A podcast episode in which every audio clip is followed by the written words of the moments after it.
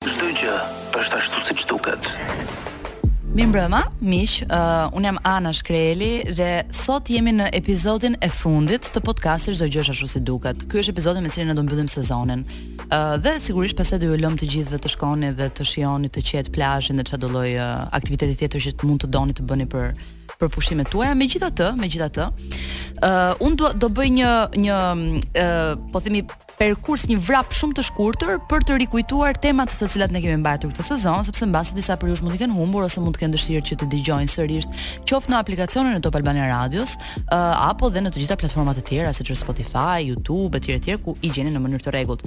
Uh, gjatë këtij sezoni kemi trajtuar tema që janë nga më të ndryshme, të cilat shkojnë nga gentrifikimi dhe fantazmat tek Tirana e party-ve të 90, hapja e kontrolluar në muzikë, Kemi folur me Killuan për identitetin e tij periferik në muzikën që bën, kemi shtruar pyetje të tipit a ka Zot në një muze apo Zoti ndodhet në çdo muze. Ë uh, kemi hulumtuar pak perkursin e vajzave në tekno sot. Cilat janë vajzat që luajnë muzikë tekno dhe pjesëmarrjen e tyre në festivale? Ëm um, kemi folur edhe për shumë gjëra të tjera për sektor, gjithmonë më në ngritje siç është sektori i i sporteve, videolojrave me radhë, Ëm dhe kemi arritur ë uh, edhe së fundmi në podcastin e fundit që realizuam, që ishte pikërisht marrëdhënia e fëmijëve me median të cilën e mbajtëm me profesor Ervin Gocin. Thënë kjo, un sot kam lënë uh, ëmbëlsirën për në fund. ë uh, Çfarë do të thotë kjo? Do të thotë që kam lënë temën time të preferuar, temën për të cilën më pëlqen të flas sa herë që uh, më zë alkooli. Ë uh, sa herë që uh, kam nevojë të bëj një dorë të mirë muhabet me dikë uh, që të më ngrejë humorin. Ëm um, sa herë që gjej një koleg uh, të mrekullueshëm përballë, kam dëshirë të flas për librin. Tani e di që mbase ë uh, Shumë nga ju do thonë, obobo, prapë për librin. Por, uh, më besoni që një nga problemet më të mëdhaja uh, të librit sot në Shqipëri është edhe mënyra se si, në gjykimin tim, mënyra se si është brenduar në një lloj mënyre. Pra që një pjesë njerëzish nuk e di pse i vazhdon i duket si diçka e cila i përket së shkuarës. Për fat keq është krijuar kjo bindja fallso që um, çfarë është teknologji, kjo është e ardhmja, çfarë është manuale, pra që shfletohet me dorë, është e shkuara. Në fakt kjo nuk është e vërtetë, sepse uh, Umberto Eco me të drejtë thotë uh, që libri është në ato, domethënë hyn në ato lloj objektesh aq perfekte sa një herë që u shpikën ato nuk mund të perfeksionohen më shumë. E njëta gjë sigurisht mund të thuhet për objekte të tjera si çadra, për shembull, që unë kam menduar gjithmonë që është një objekt i cili vazhdon të jetë po aq perfekt sa në fillim. Megjithatë për librin në çfarë këndvështrimi, do flasim për librin dhe për përkthimin. Ë uh, dhe mbi të gjitha për dashninë për tekstin. Ë uh, dhe për çfarë do të thotë ta dekonstruktosh një tekst në uh, kockat në eshtrat e veta më të vogla. Ë uh, unë për ta bërë këtë gjë kam ftuar sot një mike shumë të mirë, një përkthyese shumë të njohur, siç është Aida Baro. Ë uh, me të cilën ë uh, do trajtojmë të gjithë këtë një orë dashninë që kemi pikërisht për tekstet e mira për letërsinë dhe pse duam t'i sjellim këto tekste për të tjerët. Aida është në të njëjtën kohë është dhe kryeredaktore e botimeve Pegi, e njeh procesin e librit. Unë do thoya si askush, ë uh, ajo ka sjellë në shqip autorë të cilët ju i njihni fund e krye, do mund të përmend vetëm Primo Levin, do përmend Pazolinin, do përmend Xhuzepe Ungaretin, do përmend Italo Kalvinon, do përmend Alberto Moravian, do përmend Goliarda Sapiencan, edhe siç thonë në Itali chi più ne ha più ne metta. Kështu që për të dëgjuar një orë bisedë mes dy shoqeve të cilat vdesin për letërsi, ë dhe mbi të gjitha Kam idenë që të paktën njëra nga ato, pra Aida bën një punë të jashtëzakonshme për t'jua sjellë ju. Rikthehemi dhe hidhemi direkt në temë. Ë, uh, unë dua të them dhe një gjë shumë të shkurtër përpara se t'ia lë komplet këtë skenë të këtij transhi të parë minutazhi Aidës. Ë, um, ne e rihapim gjithmonë me faktin që ky është një podcast shndërrimi, që mua më pëlqen shumë, sepse për mua procesi më i jashtëzakonshëm që për mua është procesi më civil i mundshëm është ai i shndërrimit. Pra, kur në dy komponentë hynë në kontakt me njëri-tjetrin dhe kanë një reaksion. John Plucker në një intervistë kohëve të fundit shprehet se në aktin e kalimit nga një vend në një tjetër, që në fakt ky është dhe përkthimi, ëh, është të kalosh nga një breg në një breg, ne e gjejmë veten të ndryshuar. Zbulojmë gjithashtu se supozimet tona për zanafillën dhe për destinacionin tonë final janë ndryshuar domosdoshmërisht. Në kalim, idetë për atdheun, për të huajin, rishqyrtohen, pasi mendimi dhe pozicioni ynë ndryshojnë nga këto akte të arritjes jashtë vetes sonë. Nëpërmjet lëvizjes, ne jemi të shtyrë të ripërcaktojmë konceptet e asaj që mund të na përkasë ose asaj së cilës mund t'i përkasim. Aida mirë se vjen. Ana përshëndetje, faleminderit shumë. Është shumë kënaqësi që ta ndajmë. Ne këto bisede i kemi bërë shumë herë, por uh, kështu në publik ndoshta është uh, paksa më emocionuese për mua. Megjithëse u bënë vite që jap intervista poshtë e lart majtas djathtas, po Uh, kur i ndan bisedat me miqtë edhe nëpër intervista publike diku sikur po po të spiunojnë, po të përgjojnë të ah, gjitha. Po kjo është shumë e bukur, mua më pëlqen shumë ky, domethënë elementi vuajeristik që njerëzit dëgjojnë një marrëdhënie tonën personale, mua më duket shumë i bukur. Në fakt kjo është dhe bukuria e podcasteve nga ana tjetër. Ëm, um, Aida, ka një shprehje Vedat Kokona që mua më ka pëlqyer tani, unë nuk e citoj dot ekzaktësisht, por mund ta perifrazoj për ty, i cili thotë që Vetëm përkthimi i bëri të mundur shqipes të matej me lisat e gjatë.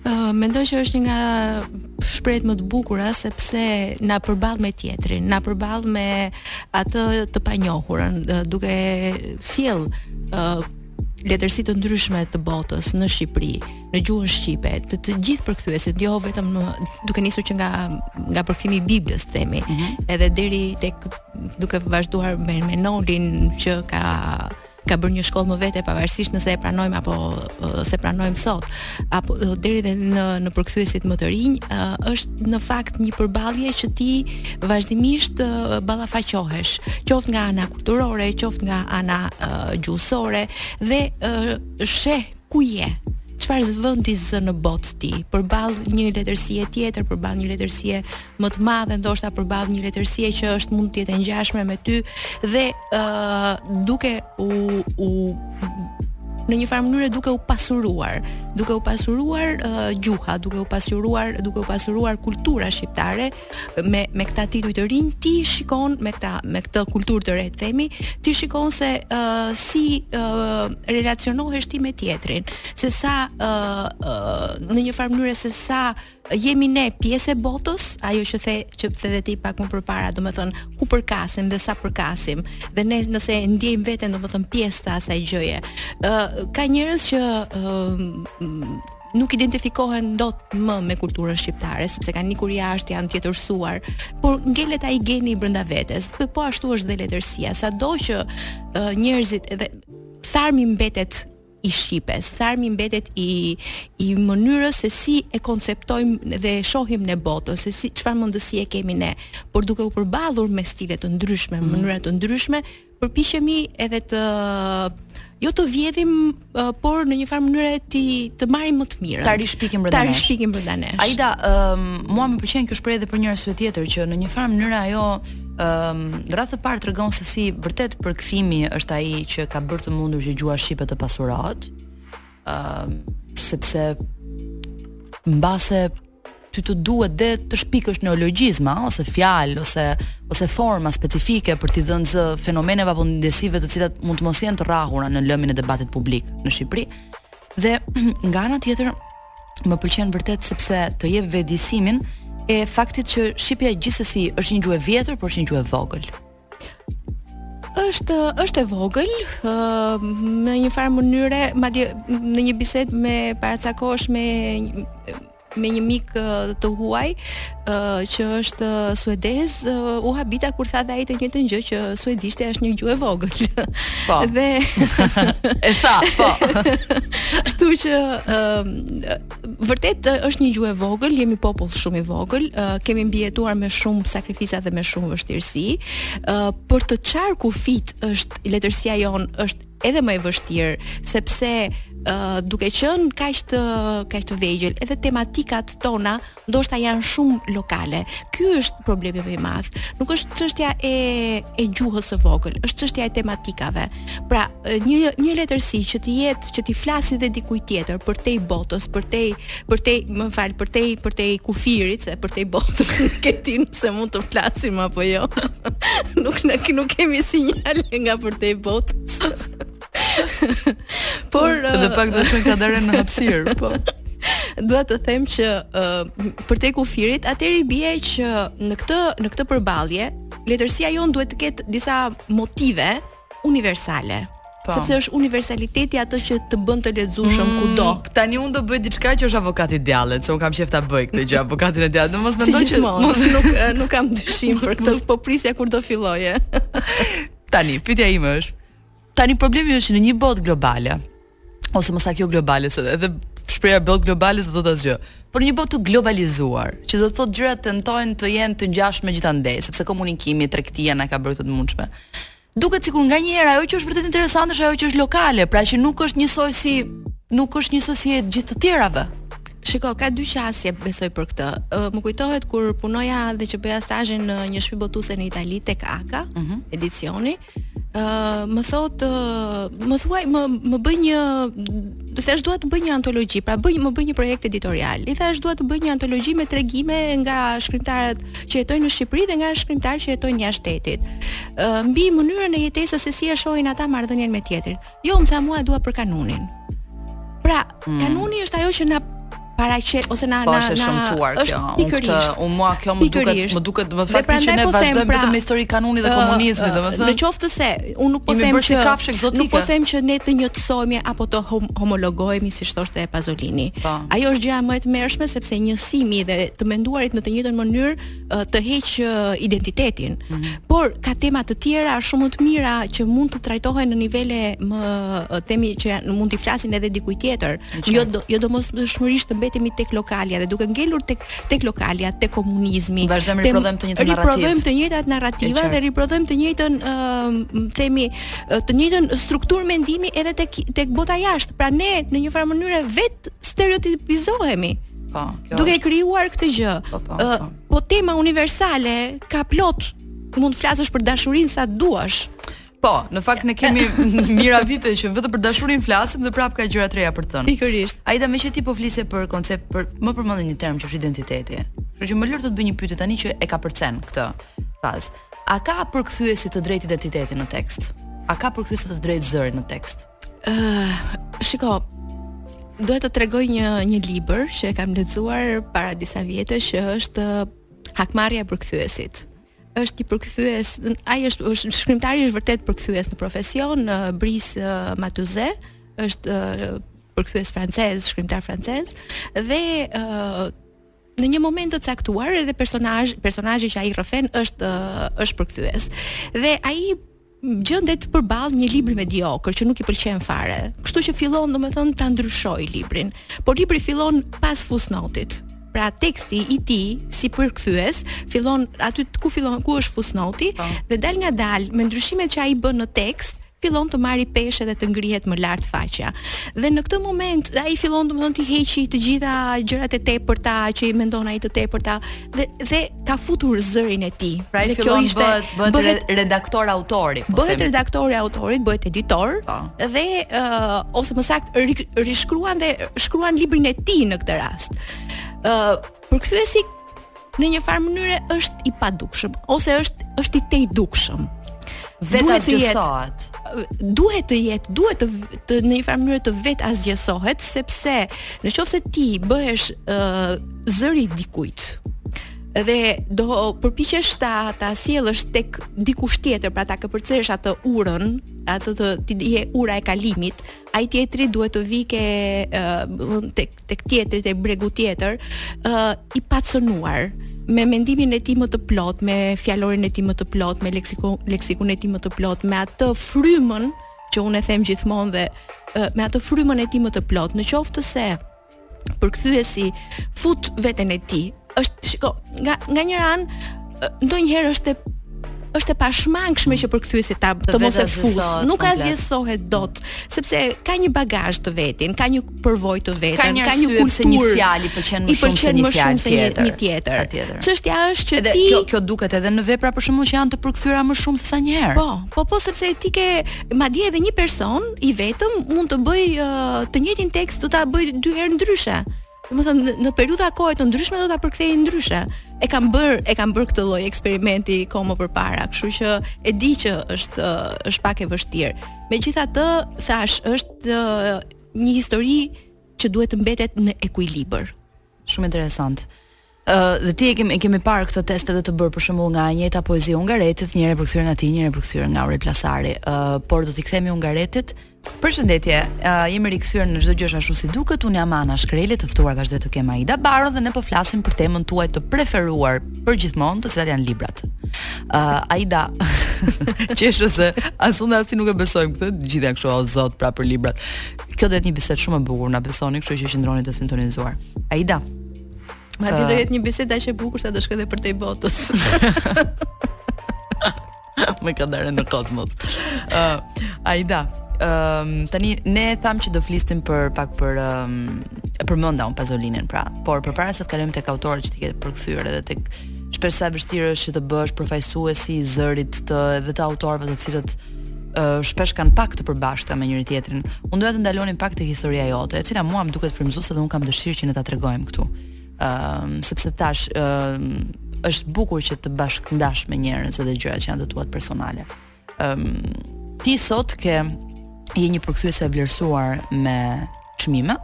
Je një njeri i cili ëm um, Për aq sa është industria kulturore librore në Shqipëri, unë do thoja që je në, po themi, rreshtin e parë, ë? pra nga njerëzit më të më të rëndësishëm sa i takon kësaj gjëje dhe më autoritativë, kështu që unë për këtë jam dhe e gëzuar që të kam në studio. Nuk e di, nuk po e njoh veten tani. Okej, okay, okej, okay, këto i them unë, këto nuk ka nevojë t'i thuash ti, unë e besoj, unë bëj emisionin, kështu që mund të them çdo gjë që mendoj. Ëm, uh, dhe thënë kjo megjithatë mua më pëlqen se e ke nisur ti si rrugëtim. Ti e ke nisur si një vajzë në fillim që punonte operatore në një call center të një kompanie telefonike. Ë, në fakt e kam nisur duke përkthyer me kokën time që studente. Mm -hmm. Pra nuk është se doli që studente domethënë ka qenë dëshira e madhe për e letërsisë mm -hmm. letërsia dhe përkthimi duke qenë se unë studioja dhe për italisht dhe u bënë bashkë një ditë të bukur kur duke lexuar Kolombren më pëlqente kaq shumë mënyra se si ishte sjellë në shqip sa thashë po unë pse të mos e provoj një herë. Dhe kështu që ka filluar këtë nuk e mbaj mend mirë, a ka qenë një tregim i Buxatit apo një tregim i Pirandelos sepse në atë kohë i doja të dy në mënyrë të barabartë dhe nuk e di se cila. Edhe unë të parën kam lexuar gruaja me flatra të Buxatit që më ka lënë po, ka lënë me flatra. Pikërisht dhe uh, dhe që aty pastaj filloi me me përkthime po, kam punuar në një gazetë që përktheja horoskopet në atë mhm. kohë të të Paulo Foxit. Të jo, të të çfarëdo lloj gjëje që kishte të bënte me botën paranormale dhe gjithçka tjetër që botohej tek nga Jani Duri, të cilin e falenderoj sepse ka qenë i pari që më ka hapur derën e përkthimit. Edhe uh, pastaj uh, jeta kuptohet që të hedh në në në nuk të nuk të mban gjithmonë me pekule, kështu që të hedh e të pret dhe përfundova në ë uh, kompani telefonike duke ngjitur shkallët e karrierës, në thonjëza, që nga operatore e sa, thjesht. Sa, sa e vështirë është të jesh operator? Është shumë e tmerrshme për mua. Mm -hmm. Personalisht e kam vuajtur shumë atë periudhë sepse duke qenë se vija dhe nga një nga një punë që kisha qenë përkthyese tek Alba Televizion, i pari televizion privat në atë kohë, uh, që përktheja për, isha marrë me përkthimin e filmave, kisha botuar ndërkohë përkthimin e parë që ishte Baroni Rebel dhe si thua jeta ime ishte fokusuar tek letërsia dhe ky lloj drejtimi dhe uh, përfundova patjetër sepse tash uh, rrethanat e jetës të çojnë aty ku ku s'ta pret mendja, kështu që uh, në një farë mënyre fillova të bëja dhe për për rreth 12 vjet fillova të bëja dhe karrierë brenda një kompanie telefonike nga operatore e thjeshtë përfundova te financa dhe ky mendoj që ky është uh, suksesi më i madh se duke qenë se matematikën e kam pas 5 gjithë jetën të bësh financa të bësh financa në një kompani të madhe telefonike tregon që kompania ka pas probleme reale me burim me HR-in, në me burimet njerëzore. Jo, jo, po nuk ishte, domethënë, puna ishte shumë e, shumë e thjeshtë në sensin që të duhej një inteligjencë uh, mesatare besoj. Pak lopën.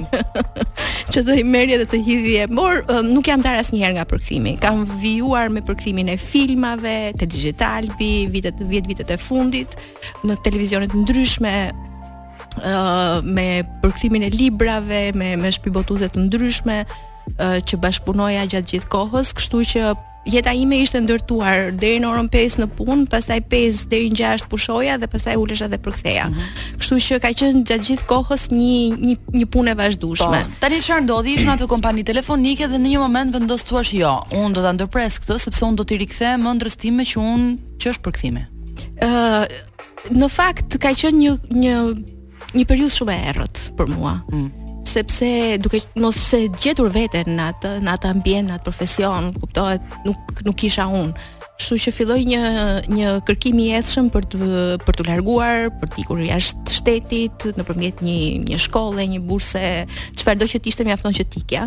Dhe për fatin tim të mirë, uh, kuptohet dhe kërkimet e mia mbeteshin gjithmonë po te letërsia, mm -hmm. te letërsia, te botimet, te editoria po, po, dhe kështu që ë uh, um, një nga këto ë uh, um, kërkimet e mia përfundoi mirë, duke qenë se uh, më pranuan në Universitetin e Urbinos në për masterin redattore editoriale, pra për fushën e botimeve dhe ka qenë mendoj që ka qenë një anno sabbatico, mhm. domethënë një vit që un kam jam shndërruar. Si ky podcast jam. Si ky podcasti juaj. Ë, uh, domethënë aty uh, mbas asaj periudhe un i, i, isha Aida.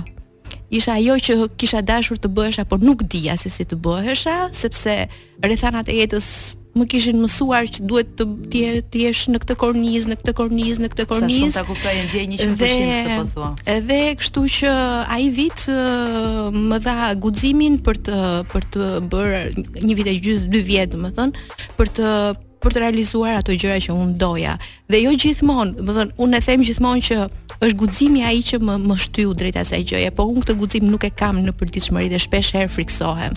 Dhe jam njeri me shumë këtë, me shumë frikra dhe pasiguri. Shumë, e ndjej ta e ndjej edhe unë shumë këtë që po thua. Kanë anglezët thonë një shprehje që mua më pëlqen shumë që quhet leap of faith, që do të thotë një kërcim besimi. Po.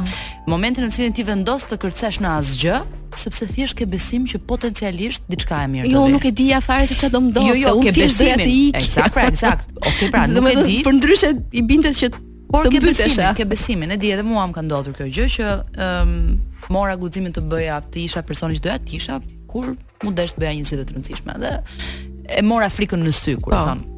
Kështu që ai dati Ëm, pastaj jeta jote ndryshoi, bëre masterin, bëre një praktikë pune në Itali, pastaj u ktheve në Shqipëri dhe sot vazhdon përkthen tituj shumë të rëndësishëm që të cilët ne i përmendëm në fillim. Ë, tani ajo që mua më intereson tjetër në këtë mes dhe që doja gjithashtu ta flisnim është pikërisht um, sa e vështirë është që të bësh se një një përkthyes është një mediator. Unë e shikoj një përkthyes është një notar, i cili mban mbi supe dikë dhe e çon nga njëri breg në bregun tjetër.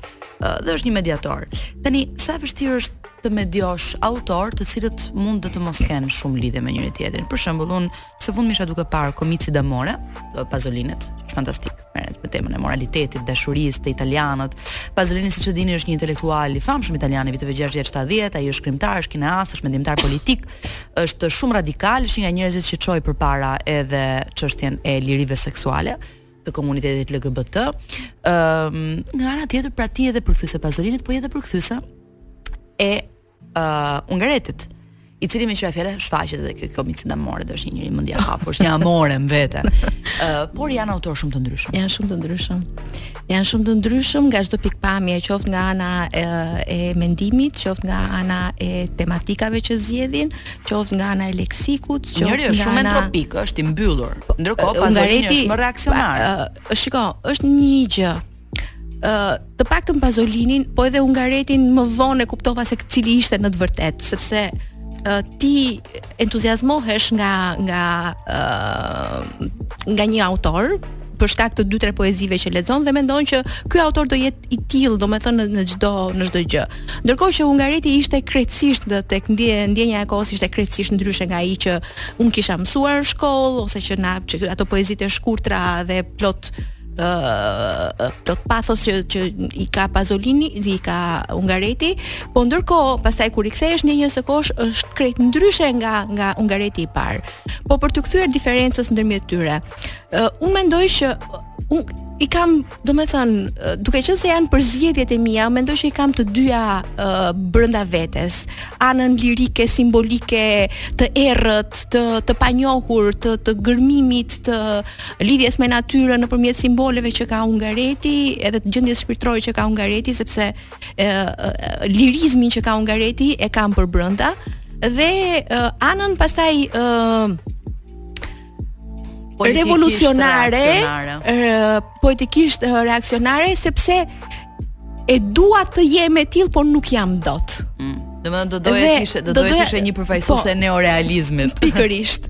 Pikërisht, por nuk nuk mund të jem, e them se natyra ime është e tillë që jam shumë më e ndrojtur më më mm, më e përmbajtur sidomos në publik dhe nëpërmjet përkthimit të poezive të të Pazolinit mendoj që i kam sjellë ose do doja që të sillja atë zë që mua më mungon. Megjithatë kjo është shumë interesante sepse edhe Pazolini ishte i ndrojtur në publik. Dhe nga ana tjetër unë mendoj që letërsia fundja fundit për këtë shërben, shërben sepse ne të gjithë nuk kemi një identitet. Domethënë njerëzit që tentojnë t'i shohin të tjerët si uh, blloqe uh mermeri. Jo, jo, kemi kemi po, shumë ngjyra ne kemi, ne kemi shumë spektra. Kjo është arsyeja mm. pse mund të dashurohemi me njerëz të ndryshëm, është sepse njerëz të ndryshëm i flasin spektrave tona të ndryshme. Dhe letërsia këtë bën, domethënë për një moment ti mund të jesh um, vërtet ajo që ke brenda duke lexuar. Po jo domosdoshmërisht nuk je e njëjta edhe kur bën po, jo, pa, jo, patjetër, patjetër. Për, uh, unë kam pasur një përvojë shumë të bukur. Por janë thjesht kombi kombinacione të ndryshme. Po. Kam pasur një përvojë shumë të bukur me përkthimin e filmave sepse uh, rreth viteve 2005-2006 Digital Bi filloi një një periudhë shumë të bukur të filmave të neorealizmit. Dhe mua për fatin tim të mirë më qëlloi të përktheja Felinin, De Sikën, ë uh, shumë uh, kështu që, që e bëre një preshkollë pra, përgatitore ishte, për Pazolinin. Ishte fiks, shumë bukur. Tamam një një shkollë, tam, ishte një shkollë sepse uh, e dashuroja kineman, por nuk e njihja dhe duke i përkthyer këta filma ju futesh dhe përkthyesi nuk mbetet në sipërfaqe. përkthyesi do t'u futet për brenda ë të cili, gjithëve. Cili, cili është procesi me të cilin i qasesh një autori në fillim kur e merr? Ëm um, pasi e ke lexuar, pra kur ke marr vendimin ta përkthesh, si i qasesh, çfarë hulumton? Së pari hulumtoj mbi veprën. Po.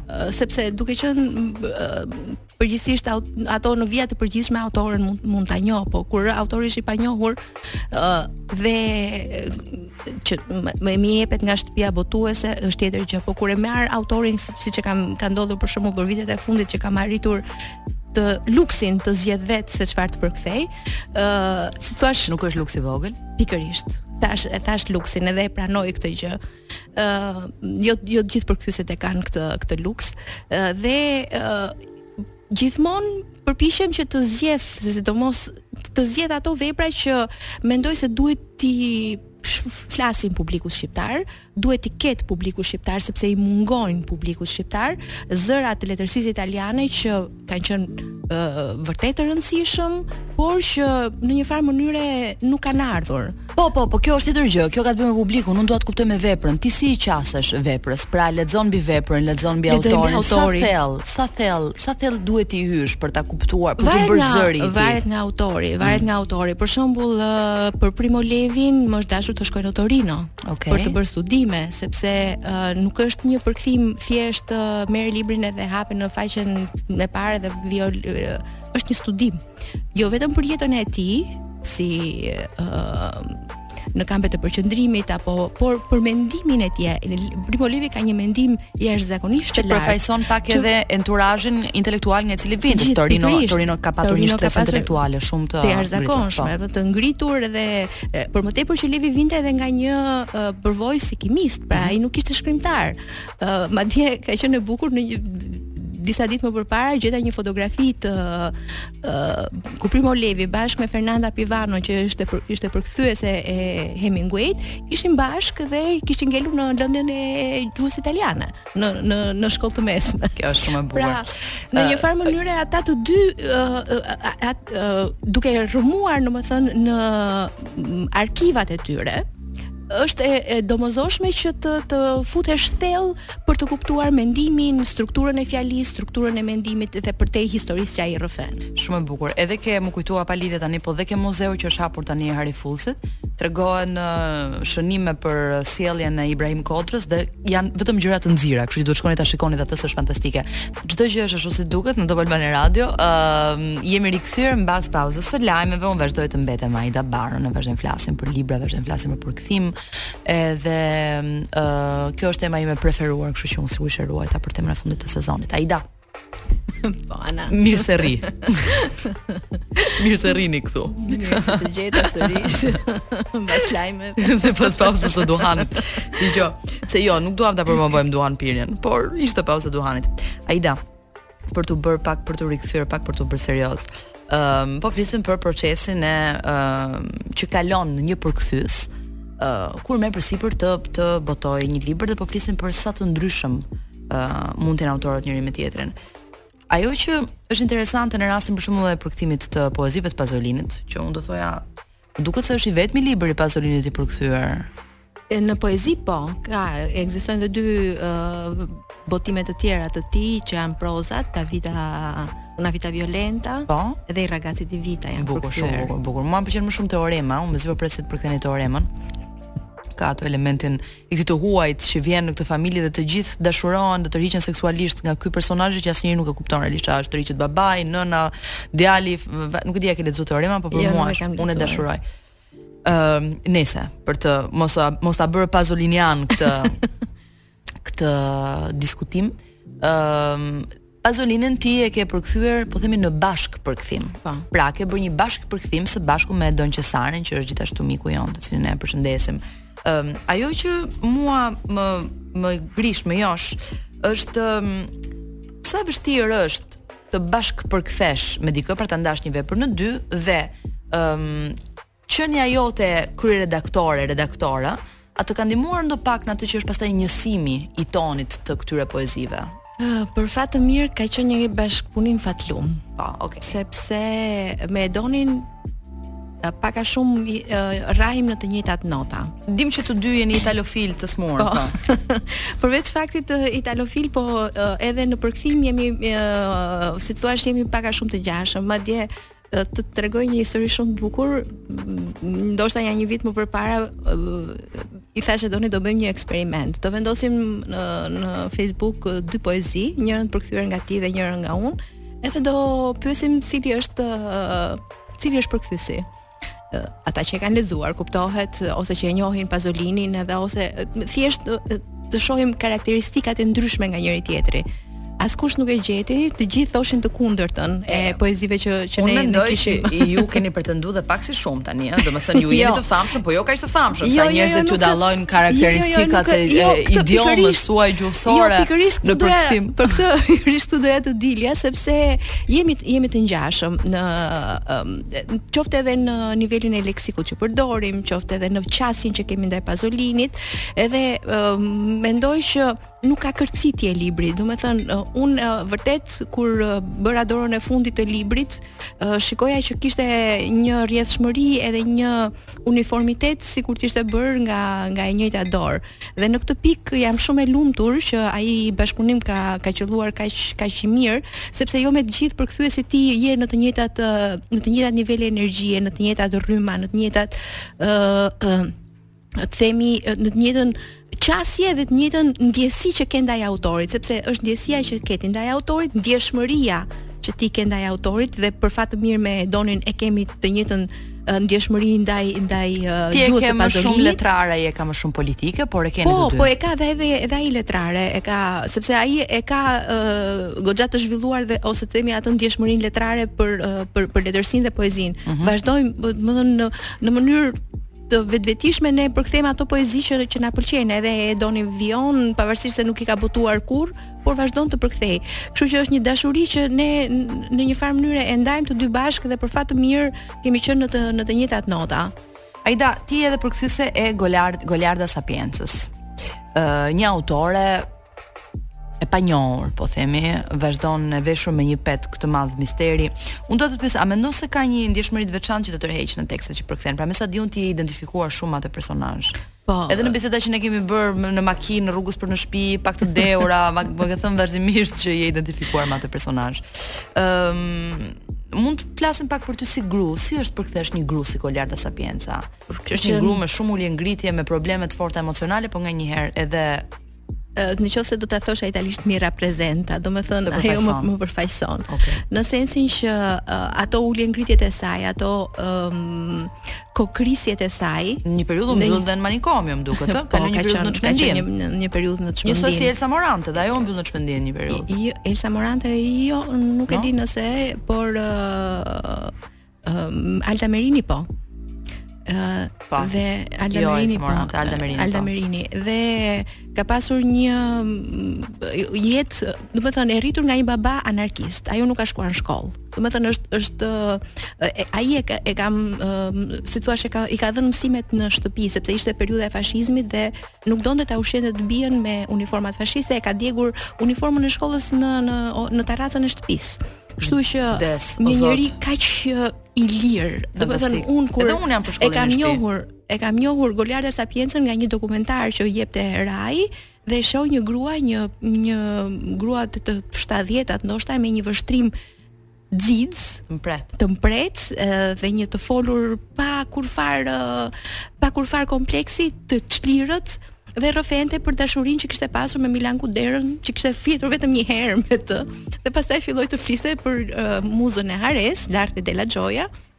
Dhe uh, ditën, të nesërmen zbrita nga treni në në Pezaro, shkova në librari, mora librin dhe e kam lexuar për një periudhë gati brenda javës sepse ai është uh, goxha voluminoz si libër, po doja që ta shijoja librin. sepse ishte e kundërta e të gjitha personazheve gra që ne kemi lexuar gjatë kohës së rritjes tonë Ema Bovari ku nuk e mbaj mend tjetër tani që të mund të ashtu dhe me një lloj tragjizëm pak ok ky tragjizëm, por edhe një vetë sa, një sakrifikim i jashtëzakonshëm po, po, po. për për për një dashuri që në fund fundit nuk i sillte asgjë. Dhe Modesta ishte krejt e kundërta, ishte një grua që kërkonte të realizonte vetveten, të ishte e lirë dhe më kujtohet një pasazh kaq i mrekullueshëm në libër që ajo thoshte tani po bëhem se filloi të shkruante një periudhë Modi personazhi dhe tani më duket se po bëhem rob i i, i poezive të mia, unë nuk dua të jem rob i asgjëje, unë dua të jem njeri i lirë. Dhe kjo kjo liri, kjo dashuri për për të realizuar veten, për te atyre rregullave të ngushta të shoqërisë mua më frymëzoi jashtë mase. Mm -hmm. Dhe gjëja e parë që madje nuk kisha filluar punën ende tek te shpia botuse, i them botuses që un duhet ta përkthej këtë libër, filloj apo s'filloj punë këtu, un këtë libër duhet ta përkthej se s'bën dhe besoj që uh, me kalimin e kohës e shoh që shumë njerëz e, e pëlqejnë. Ti ke patur edhe më duket njohje personale me njerëz që kanë qenë në jetën e Goliarda Sapiencës. Po, ka qenë uh, bashkëshorti i Goliarda Sapiencës, Angelo Pellegrino, uh mhm. -huh. të cilin e kam takuar në një nga uh, rrugëtimet e mia në në në Romë, edhe mm, më tregoi një një, domethënë më tregoi shumë uh, shumë episode, domethënë ajo ngrihej natën thoshte dhe uh, sillej rrotull në shtëpi si somnambul për shembull, ose uh, më tregoi faktin uh, kur ajo përfundoi në burg, sepse kishte vjedhur mikeshën e saj të ngushtë, i kishte vjedhur të gjitha ato xhevahiret dhe tha në një mënyrë tha doja që ta provokoja nëse ajo më mbante tha gjatë gjithë kohës si një si një qenush me vete kudo që shkonte nëpër këto sallone, ndërkohë që mua nuk më pranonin nëpër sallone, letërsinë time nuk e pëlqenin. Kurse kjo më merrte dhe tha unë do ta provokoj. Nëse kjo uh, do më do, do më denoncojë, atëherë nuk është shoqja ime e ngushtë. Në fakt ajo e denoncoi dhe Goliarda përfundoi në burg. Dhe e bukura ishte se kjo kjo kjo është histori e njohur, e bukura ishte reagimi i saj. Angelo Pellegrino thoshte që shkoj në burg dhe i them që uh, a ka mundësi çfarë do të të sjell, domethënë të të sjell për të ngrënë, të të sjell diçka, domethënë për të veshur. Dhe kjo që i thotë, të lutem ik sepse atje jashtë isha borgjezuar shumë. Ah, vajza, vajza e një anarkiste të vërtetë. Kjo do të thotë, dhe më duaj një shkollë burgu. Domethënë, dashuroj atë njeri që unë do doja të isha por nuk jam. Ah, po pra, është ajo që thashë, letërsia të jep mundësinë që të shpërthesh një moment dhe për për aq kohë ti je ti je vetvetja në një mënyrë që jashtë nuk je dot, sepse jo. mbase edhe Kushtet e brendshme dhe të jashtme gjithashtu nuk janë pjekur. Megjithatë ti në këtë libër ë uh, ke bërë një zgjedhje që ka qenë zgjedhja e përdorimit të dialektit. Pa. Po. Dhe kjo është një zgjedhje që ne e diskutojmë shumë, uh, jo vetëm ne që punojmë me letërsinë dhe që e duam letërsinë, por dhe njerëzit që e lexojnë qoftë për eskapizëm. Uh, pra për eskapizëm do thotë për dëshirën për t'u larguar nga realiteti për, për momentin, po. po për një për evazion momental. Ëm um, tani problemi im është ky, unë kam lexuar para ca kohësh një libër ë uh, titullin e të cilit nuk po e them sepse nuk dua të bëj antireklamë, kuptohet. Por uh, unë vetë jam gegë me origjinë, jam nga Shkodra. Ëm ehm, um, dhe ishte një pjesë, një pasazh në të cilën këto personazhe të mafias siçiliane flisnin me një me njëri-tjetrin për aktivitet kriminal, kupton dhe përkthyesi kishte zgjedhur dhe redaktorja kishte zgjedhur që ta bënin këtë gjë në gegnisht.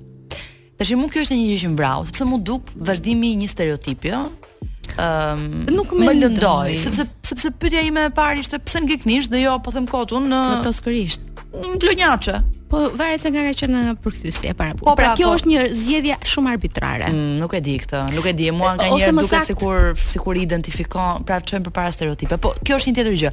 Ti mendon që mund të përkthesh se një dialekt ka bagazhin e vet kulturor dhe po, shoqëror po, përsipër. Po. Tani çfarë sensi ka të përkthesh një dialekt me një dialekt tjetër të një gjuhe tjetër kur ai bagazh humbet?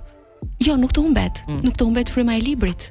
Sepse unë për shembull Goliarda Sapienza e kam lexuar në anglisht dhe e, kuptohet që s'kishte dialekt, se origjinali është në në dialekt, pra ka dialekti sicilian brenda, pjesa e parë e librit është me gjuhë të vjetër, me një italisht të vjetër, ë, dhe ë, kjo pikërisht Ky ndryshim që ajo pëson nga uh, një qenie me një në një fshat të humbur dhe një vajzë e vogël që nuk dinte asgjë nga jeta, uh, kthehet në një intelektuale të mm, socialiste të jashtëzakonshme po të lirë dhe duke ndryshuar edhe uh, nivelin e regjistrit gjuhësor.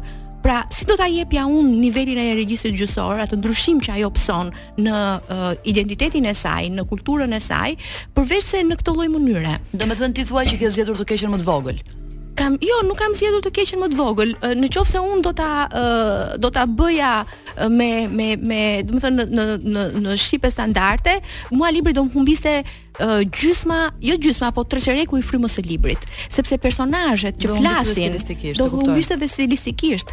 Personazhet që flasin aty Modesta, Carmine që është qehajai apo Tucu, ai miku i saj i fëmijërisë që flasin vetëm në dialekt dhe un kam zgjedhur dialektin e jugut pikërisht me me logjikën e tillë sepse bëhet fjalë për Sicilinë, jemi në mes të agrumeve, në mes të detit dhe s'ka më bukur domethënë që të jetë uh, uh, edhe nga botëkuptimi, po të shohësh uh, sidomos personazhin e Carmines që është një figurë uh, burrërore edhe e zgjuar e mençur uh, dhe uh, shumë shumë epike në në roman nuk ku mund të gjesh më, unë veriun nuk e njoh. Unë jam nga jugu. Kuptoj, dhe pikërisht për këtë dhe zgjedhja ime përfundoi domethënë tek tek kjo uh, dhe besoj që i ka dhënë goxha larmi librit sepse përndryshe do ishte kthyer në një telenovelë, nuk do kishte atë vruzin edhe po ti do thuash që idioma pra gjuha e personazhit po. në një farë mënyrë është po aq personazh formues sa ç'është çdo proces tjetër E ka një ka një, domethënë persona, personaliteti i personazheve vjen nëpërmjet gjuhës. E kuptoj. Ëm um, Nuk e di, un për shembull Andrea Camillerin, që është një autor të cilin unë e dua, ëm um, nuk e kam lexuar në shqip. Të përkthyer, e kam lexuar në italisht. Dhe gjithmonë kam menduar sa e vështirë duhet të ketë qenë ta sjellësh në shqip, sepse Andrea Camilleri është një njeri që ka një njihet në Itali si një personazh që ka po. idiomën e vet gjuhësore. Pra ai është një milanez, nuk është një milanez, ai është një sicilian. Po. Por i formuar intelektualisht në Milano dhe ai ka stile për të patur një idiom që përfaqëson plotësisht në tërësinë italiane, ka një gjuhë që është pak a shumë një miks i çuditshëm i këtyre dy dy entiteteve dhe sigurisht gjuha është është identiteti yt, bart botën tënde, pra duhet të jetë shumë e vështirë ta sjellësh ë um, këtë autor në përkthim. Uh, jo, shumë e vështirë. Duhet të jetë shumë e vështirë. Ë uh, unë për vështirësitë e përkthimit, Gjithashtu, ë uh, doja të të pyesja edhe për një zgjedhje tjetër që shpesh autorët e bëjnë. Brian Fitch argumenton në Beckett and Babel an investigation into the status of the bilingual work se shkrimtari përkthyes pa dyshim është në një pozicion më të mirë për të rimarrë qëllimet e autorit origjinal se sa çdo përkthyes i zakonshëm. Në të njëjtën kohë, ka nga ata që janë skeptikë për proceset e vetëpërkthimit. Për shembull, Joseph Brodsky dihet se u shtonte seksione të reja poezive të tij në përkthimet që pastaj u bënte në anglisht, pra nga rusishtja në anglisht. Tani, çfarë mendon ti për vetëpërkthimin? Në Shqipëri ka patur raste vetëpërkthimi, më i fundit është vetëpërkthimi i Lea Ypit, pra Lea Ypi e ka shkruar librin Free në anglisht, dhe e ka përkthyer vetë Të lirë në shqip. Të njëjtën gjë ka bërë në mos gaboj unë edhe Elvira Dones me një apo dy vepra. Ëm um, sa mendon ti që e e dëmton në këtë rast procesin e përkthimit vetëpërkthimi? Ë uh, është një pyetje shumë e koklavitur, me thënë të drejtën, sepse e para unë nuk nuk jam gjendur në këtë situatë. Ëh. Mm -hmm. Edhe uh, nuk e njoh procesin, por di për shembull që rastin e uh, një shkrimtarit uh, tashmë francez që quhet uh, s'po më vjen emri në në mend tani që uh, çek që duke parë që veprat e tij në frëngjisht ishin krejt ndryshe nga nga veprat e e, e tij që i kishte shkruar në origjinal, vendos domethënë që t'i t'i t'i t'i, t'i rishkruajë vetë edhe një herë nga e para. Dhe duke pasur këtë të këtë lloj eksperience, unë nuk nuk di se çfarë niveli gjuhësor arrin përkthyesi sepse në një një gjuhë jemi tjetër, besoj. dhe në një gjuhë ah, jemi tjetër. Kjo më pëlqen shumë edhe Elif Batumani te The Idiot këtë thotë, unë jam tjetër njeri në turqisht, tjetër njeri në anglisht. Uh, mirëmbrëma, unë jam Ana Shkreli, jemi prapë në S'do gjë ashtu si duket, unë vazhdoj të jem këtu me Aidën dhe po vazhdoj ta tranoj, siç e thonë në Kosovë për çështje të letërsisë të përkthimit të shumë e bukur që më pëlqeu nga Kosova ishte për lajk.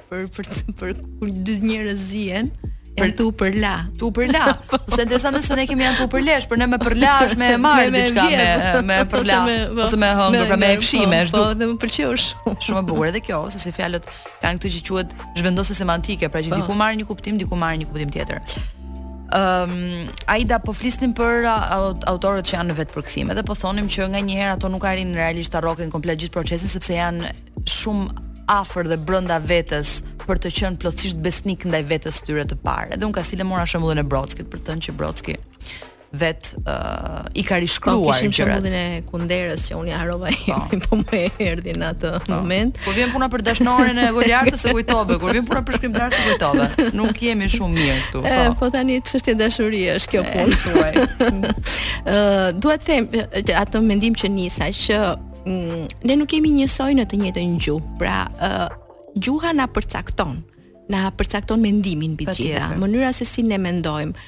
Uh, unë mendoj që mm, Lea Ypi për shembull, duke qenë se ka ikur e vogël, mund të mendojë anglisht dhe kur e ka ripërkthyer, unë librin nuk e kam lexuar ende, me thënë drejtën, por uh, po përpiqem të bëj një një një krahasim edhe me me Elvirën, Elvira ka ikur e rritur jashtë dhe shkrimet e saj kur i lexon domethënë në në italisht janë më afër shqipes sepse strukturën mendore ajo e ka të të të të mhm. dëshmë të formamenti si në po, vetë. Po, pikërisht e ka të predispozuar drejt shqipes dhe është më e thjeshtë ndoshta për atë për ta sjellë në në në në gjuhën në gjuhën shqipe.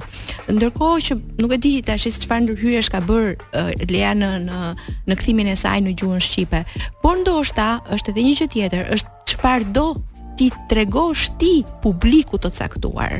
Mund të jetë edhe kjo, pra në qoftë se ti i rrëfen një publiku pak shady, le të themi në një farë mënyrë. Nuk di të them në këtë pjesë. Po jo, sepse në fillim me, me, libri i saj u jashtë u njoh si memuaristikë kujtime kur erdhi këtu fillimisht u prezantua si roman, që tregon që në që në këtë moment libri lindi me një lloj ngërçi.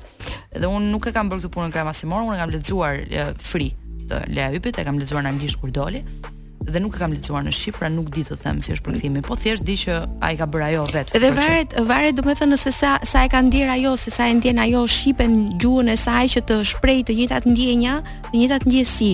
Është edhe një gjë tjetër që kur ti e Pra, ke bërë uh, përkthim apo ke bërë rishkrim të historisë sate. Po pra kjo është ajo linja që është sepse uh, është shumë e vështirë besoj që uh, nga ana strukturore e fjalisë çdo gjë do jetë ndryshe. Kur e përkthen dikush tjetër uh, që nuk nuk e njeh autorin që ti uh, futesh në në kërkime për ta njohur autorin dhe për ta sjellë sa më mirë është tjetër gjë dhe ti je, je në rolin e përkthyesit dhe të interpretuesit, po kur ti je vetë interpretuesi i historisë sate, nuk e di sa e vështirë mund të jetë, mund të jetë kjo gjë. Ajda, uh, unë dua të të bëj një pyetje, e cila është një pyetje e rëndësishme. Ë uh, dhe unë prapë do marr nga një tjetër libër, sepse një nga gjërat që mua më pëlqen më shumë gjithashtu të bëj këtu është që të citoj gjëra të ndryshme që unë ti të gjithë ne që jemi pjesë e këtij diskutimi kemi lexuar, sepse mendoj që nuk ka gjë më të bukur në plan njerëzor se sa re rekomandime. Patjetër. Për mua rekomandimi është fantastik. Ë uh, Kate Briggs në një libër që titullohet This Little Art thotë diçka shumë bukur që nuk e kisha menduar. Ajo shprehet se puna e një përkthyesi është të shkruajë një përkthim. Pra ta shkruajë përkthimin.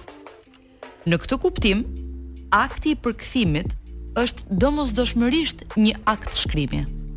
Por kjo vlen dhe anasjelltas. Sepse shkrimi në vetvete është një formë përkthimi e përvojës jetësore, e emocioneve, e gjëra e teksteve të tjera të lexuara etj etj. Pra, ato janë të ndërthurura përgjithmonë, shkrimi dhe përkthimi janë anë të ndryshme të së njëjtës medalje. Çfarë mendon ti për këtë? Mendoj që është normale që secili ai që shkruan dhe ai që përkthen Prandaj themi që përkthyesi um, duhet të futet nën lëkurën e e autorit. Edhe duke u futur nën lëkurën e autorit nuk është i pa pra ka për, për, përballet me një përvojë tjetër, me një jetë tjetër, me një mendësi tjetër, por nuk mund ta harrojë atë që është vetë, pra mendësinë, përvojën e vet, përvojën e, e mënyrën e, e, e rritjes së tij, mënyrën e formimit të tij. Dhe në këtë rast ai do duhet të të, të njëjtësohet. Pra ti thua që ka dy momente përkthimi, është përkthimi që ai i bën në qenies së vet veprës së autorit që po. lexon. Po Dhe pastaj përkthimi që i bën vetë autorit. Përkthimi që i bën është sa ka shumë është e bëra pasi gjë gjë tani po. Më fut edhe tash të përkthej ty. Po do të gjithë po. Ah, jo, është besoj që është një mënyrë për të ti, ti i shkrihesh aty. Unë nuk e di, domethënë çfarë ndodh me mua. Domethënë me pak fjalë ai të mbarojë, ndjen ti veten shkrimtare kur përkthen apo jo? Unë nuk e ndjej veten shkrimtare, po por pse? besoj që besoj që Pse ke frikë ta thuash që e ndjen veten shkrimtare? Po jo nuk e nuk e ndjej veten shkrimtare sepse uh, ajo apo shkruan. Është puna, është puna e dikujt tjetër. Po s'ka rëndësi, nuk, nuk flasim për marrje autorësie këtu. Por është nuk është puna ime mbi të gjitha, më lër ta ta ta ta qëndis. Domethënë, jo, të bëj dhe unë këtë lepipe mentali. Ëh, është puna që ti mund të kesh dellin artistik, dellin letrar, por un nuk e kam marr përveç se atyre poezive të shkruara në gjimnaz nuk e kam marr kurr guximin, domethënë që të marr të shkruaj, sepse uh, mendoj që njeriu ka disa skrupuj. Pra un mendoj që në qoftë se un duhet të shkruaj, duhet të shkruaj si filan autor apo si filan poete. Por nga ana tjetër kjo fakti që un e kam lexuar letërsinë, më ka mbushur gjatë gjithë kohës, kam një dell letrar, sepse mund të mund të hedh dy dy llafe por që nuk i botoj gjëkundi. sepse më mban ky skrupulli, por që shpesh mund të jetë thjesht frikë. Nuk ka rëndësi, çfarë, domethënë nuk ka ka boll zgarravina nëpër botë, kështu që nuk ka pse të ketë bota dhe zgarravina të mia. Ka boll grafomanë.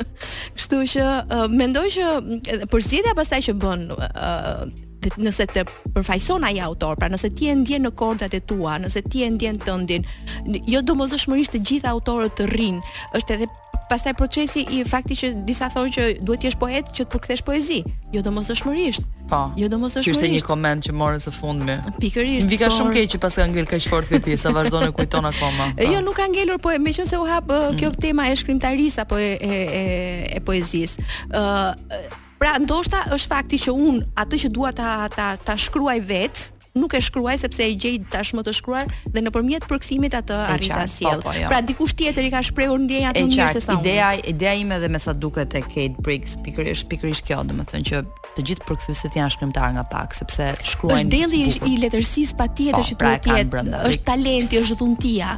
Një person që është që përkthen një një një një tekst letrar, unë nuk po i përkthej dot tekstet teknike. mua më dalin shumë të letrarizuara. Domethënë më dalin se shumë shumë lirike tekstet. Një, një manual lavatriçe për shembull, manual lavatriçe me rimë. Kështu që është është në në varësi pra të personit. Nëse ke ti ke ndjeshmërinë ndaj gjuhës, ke uh, mund të jem siç më kanë quajtur dikur shkrimtare e dështuar për shembull. Ashtu të shkruar. Dikur më kanë thënë shkrimtare e dështuar, por unë nuk kam tentuar kurrë të shkruaj. po në këtë shoqëri je i dështuar a priori. Sepse dhe Byung Chul Hani, që është uh, një autor koreano jugor, uh, por i i natyralizuar gjerman, thotë pikërisht këtë gjë që në shoqërinë e disiplinës, shoqërinë e Fukos, i shoqëria prodhonte kriminelë dhe të çmendur. Në shoqërinë tonë, që është shoqëria e palestrave, fitnesit, e shëndetit, e çdo lloj projekteve të tjera, shoqëri që prodhon dështakë. Kështu që ne shkrimtar apo pa shkrimtar parimisht jemi të dështuar a priori. Unë dua të lexoj një pasazh nga Çul Hani, të cilin uh, e dua veçanërisht shumë. Ai ka shkruar një libër që titullohet ë uh, Shoqëria e sfilitur. Thotë, jeta e sotme është më e zhveshur se jeta e Homo Sakrit. Homo Sakri është dikush që është përjashtuar nga shoqëria për shkak të një shkeljeje. Ai mund të vritet lehtësisht pa u ndëshkuar njeri. Sipas filozofit Xhorxho Agamben, Homo Sakri është simbol i një jete të pavlerë. Ai i përshkruan si homine sakri edhe hebrenjtë në kampin e përqendrimit, të burgosurit në Guantanamo, individët pa dokumenta, azilkërkuesit që presin në një dhomë të paligjshme për dëbimin e tyre, apo të sëmurët në repartin e kujdesit intensiv, të cilët janë të lidhur me tuba dhe vegjetojnë. Nëse shoqëria moderne e arritjeve na shtyn të gjithëve drejt një jete të zhveshur, atëherë jo vetëm njerëzit në periferi të shoqërisë ose në gjendje të jashtëzakonshme, jo vetëm të përjashtuarit, por të gjithë ne, pa përjashtim, jemi homine sakri. Megjithatë ata kanë veçorinë që nuk janë absolutisht të vdekshëm. Ata janë si të thuash të pavdekur. Këtu fjala saker nuk do të thotë i mallkuar, por i shenjtë. i shenjtëruar. Tani jeta e zhveshur është në vetvete e shenjtë, kështu që duhet ruajtur me çdo kusht. Ndaj jetës së zhveshur, tërësisht kalimtare, njeriu reagon me hiperaktivitet, me histerinë e punës dhe të prodhimit. Edhe nxitimi i sotëm ka të bëjë shumë me këtë mungesë të ekzistencës. Shoqëria e punës dhe arritjeve nuk është një shoqëri e lirë. Ajo krijon kufizime të reja. Dialektika e zotërisë dhe shërbëtorit nuk çon përfundimisht në një shoqëri në të cilën të gjithë janë të lirë dhe të zotë të bëjnë çfarë duan. Përkundrazi, ajo çon në një shoqëri pune, në të cilën vetë zotëria është bërë tashmë shërbëtor. Në këtë shoqëri detyruese, të gjithë mbartin me vete një kamp pune. E veçanta e këtij kampi pune është se njeriu është njëkohësisht i burgosur dhe roje. viktimë dhe dhunues. Njeriu shfrytëzon veten. Kjo, në finalitet, do të thotë se shfrytëzimi pra qenka i mundur edhe pa sundim. Është përvoja që po jetojmë prej vitesh tashmë. Jetojmë brenda një qerthulli, po. punë, punë, punë, po. punë. Dhe ky është pikërisht një libër që e shikon fiks, e shikon rraskapitjen si një konditë historike shoqërore. Pra, Periudha historike që ne po uh, jetojmë supozoj definohet, pra përcaktohet nga sfilitja nga, nga dhe nga rraskapitja. Një libër shumë i bukur, i cili shkon edhe... Jemi të gjithë burnout. Burnout. Dhe ai këtë tregon në një farë mënyrë, thotë që ju në punë sot ju mbushin mendjen që uh, është një gjë shumë e mirë të jeni multitasking, por në fakt nuk është ashtu, sepse ajo që e ndan njeriu nga kafsha është aftësia meditative, pra është aftësia për t'u kredhur në diçka, dhe për t'u shkëputur nga rrethanat. Kafsha është ajo që është multitasking, që në çdo moment gjatë kohës që ha, ka mendjen se mos do ta sulmojnë, ka mendjen se se do çiftohet etj etj, pra është gjithkohës në alert, që do të thotë multitaskingu nuk është nuk është tipar um, i asaj që ne konsiderojmë sublime njerëzore, pra që na ndan nga pjesa tjetër.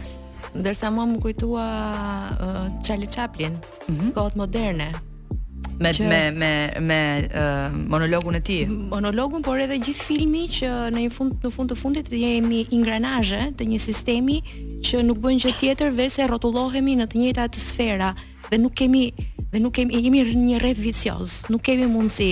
Uh, mjafton që të bëjmë një udhtim jashtë jashtë Tirane dhe ti të duket vetja sikur ke rilindur sepse ti nuk je më ke ke marrë një hapësirë kohe për veten tënde. Ne tashmë nuk kemi më hapësira kohe për veten tonë. Atë gjendjen meditative që po diskutonim dhe pak më përpara, që ti të lexosh diçka për për kënaqësinë tënde, për jashtë punës, jashtë të zhytesh, të zhytesh edhe në në në një atmosferë tjetër, edhe ta ndryshosh atë ritëm, Ne tashmë jemi vetëskllavëruar. Po, këtë thotë që është e mundur një një shoqëri e tillë, ë uh, shfrytëzimi është i mundur dhe pa sundim. Edhe prandaj mua më pëlqen sepse realisht domethënë të bën të mendosh për për për konditën në të cilën je. Ë uh, dhe un realisht për ta mbyllur kështu, si fillim Enriada un të falenderoj shumë. Faleminderit ty Ana. Që ti ishe sot uh, me ne këtu. Ëm um, së dyti un doja të thoja që um, për mua është shumë e rëndësishme që ne trajtuam temën e librit sepse tani jemi në frontier, është gjithmonë kështu, gjithmonë uh, bëhet diskutimi ka vdekur, s'ka vdekur, digjitali, jo digjitali, print etj etj, fakti është që po kalojmë në një epokë komplet tjetër. Ë, uh, dje na kishte ardhur një njoftim nga uh, Publishing Perspectives, që është edhe uh, outleti, media outleti më i rëndësishëm i, i botimeve ndërkombëtare që nxiste botuesit e sigurisht më të mëdhejt në botë, ëm që të të të, të aplikonin, po themi të të, të ndryshonin komunikimin e tyre dhe marketimin e tyre tashmë ta bënin të përshtatshëm për TikTok. Që në thelb për mua më futi në krizë ajo që lexova sepse mendova diçka që edhe përshkallëzimi i rrjeteve sociale lindi njëherë Facebooku i cili të mundësonte të shkruaje tekst sa të doje, njerëzit në Facebook hedhin tregime fare lehtë. Pastaj vazhdoi Instagrami që i dha predominancë më të madhe imazhit, por teksti gjithsesi vijoi të ishte poshtë. Pastaj kaluam ke Twitteri që kishte një numër shumë të kufizuar karakteresh për përdorim dhe tashmë kemi kaluar tek TikToku i cili është vetëm as imazhi jo, është gati gati është është thjesht është thjesht audio, më kupton edhe thjesht një kalim. Pra është një një platformë e cila shkrimin e përjashton plotësisht dhe është një krizë shumë e madhe të mendosh si me çfarë mediumi dhe pastaj me çfarë ligjërate, me çfarë konstrukti do mundesh ti të të përshfaqësh uh, një libër i cili ngrihet mbi fjalën në një medium që a priori fjalën e përjashton. Jo, uh, mua më bën përshtypje se mund çfarë si mund ta rrëfesh, mund të krijosh një një book trailer, mund të krijosh një uh, por ta rrëfesh librin nëpërmjet vetëm 2-3 imazheve, edhe kjo mund të jetë një sfidë, po uh, më duket e pamundur sepse fjala është ajo që e bën librin. Po, pra, po, edhe teksti qoftë... është ai që e bën librin, qoftë në në në letër, qoftë në dixhital. Mbi të gjitha të bën të reflektosh. Ai da falë. Mua më mbi të gjitha më duket se po humbet mendimi, kjo është e tmerrshme. Atë frikë kam dhe unë, më humb me me shkurtimin e attention span-it, vëmendjes. Ë, uh, shoh,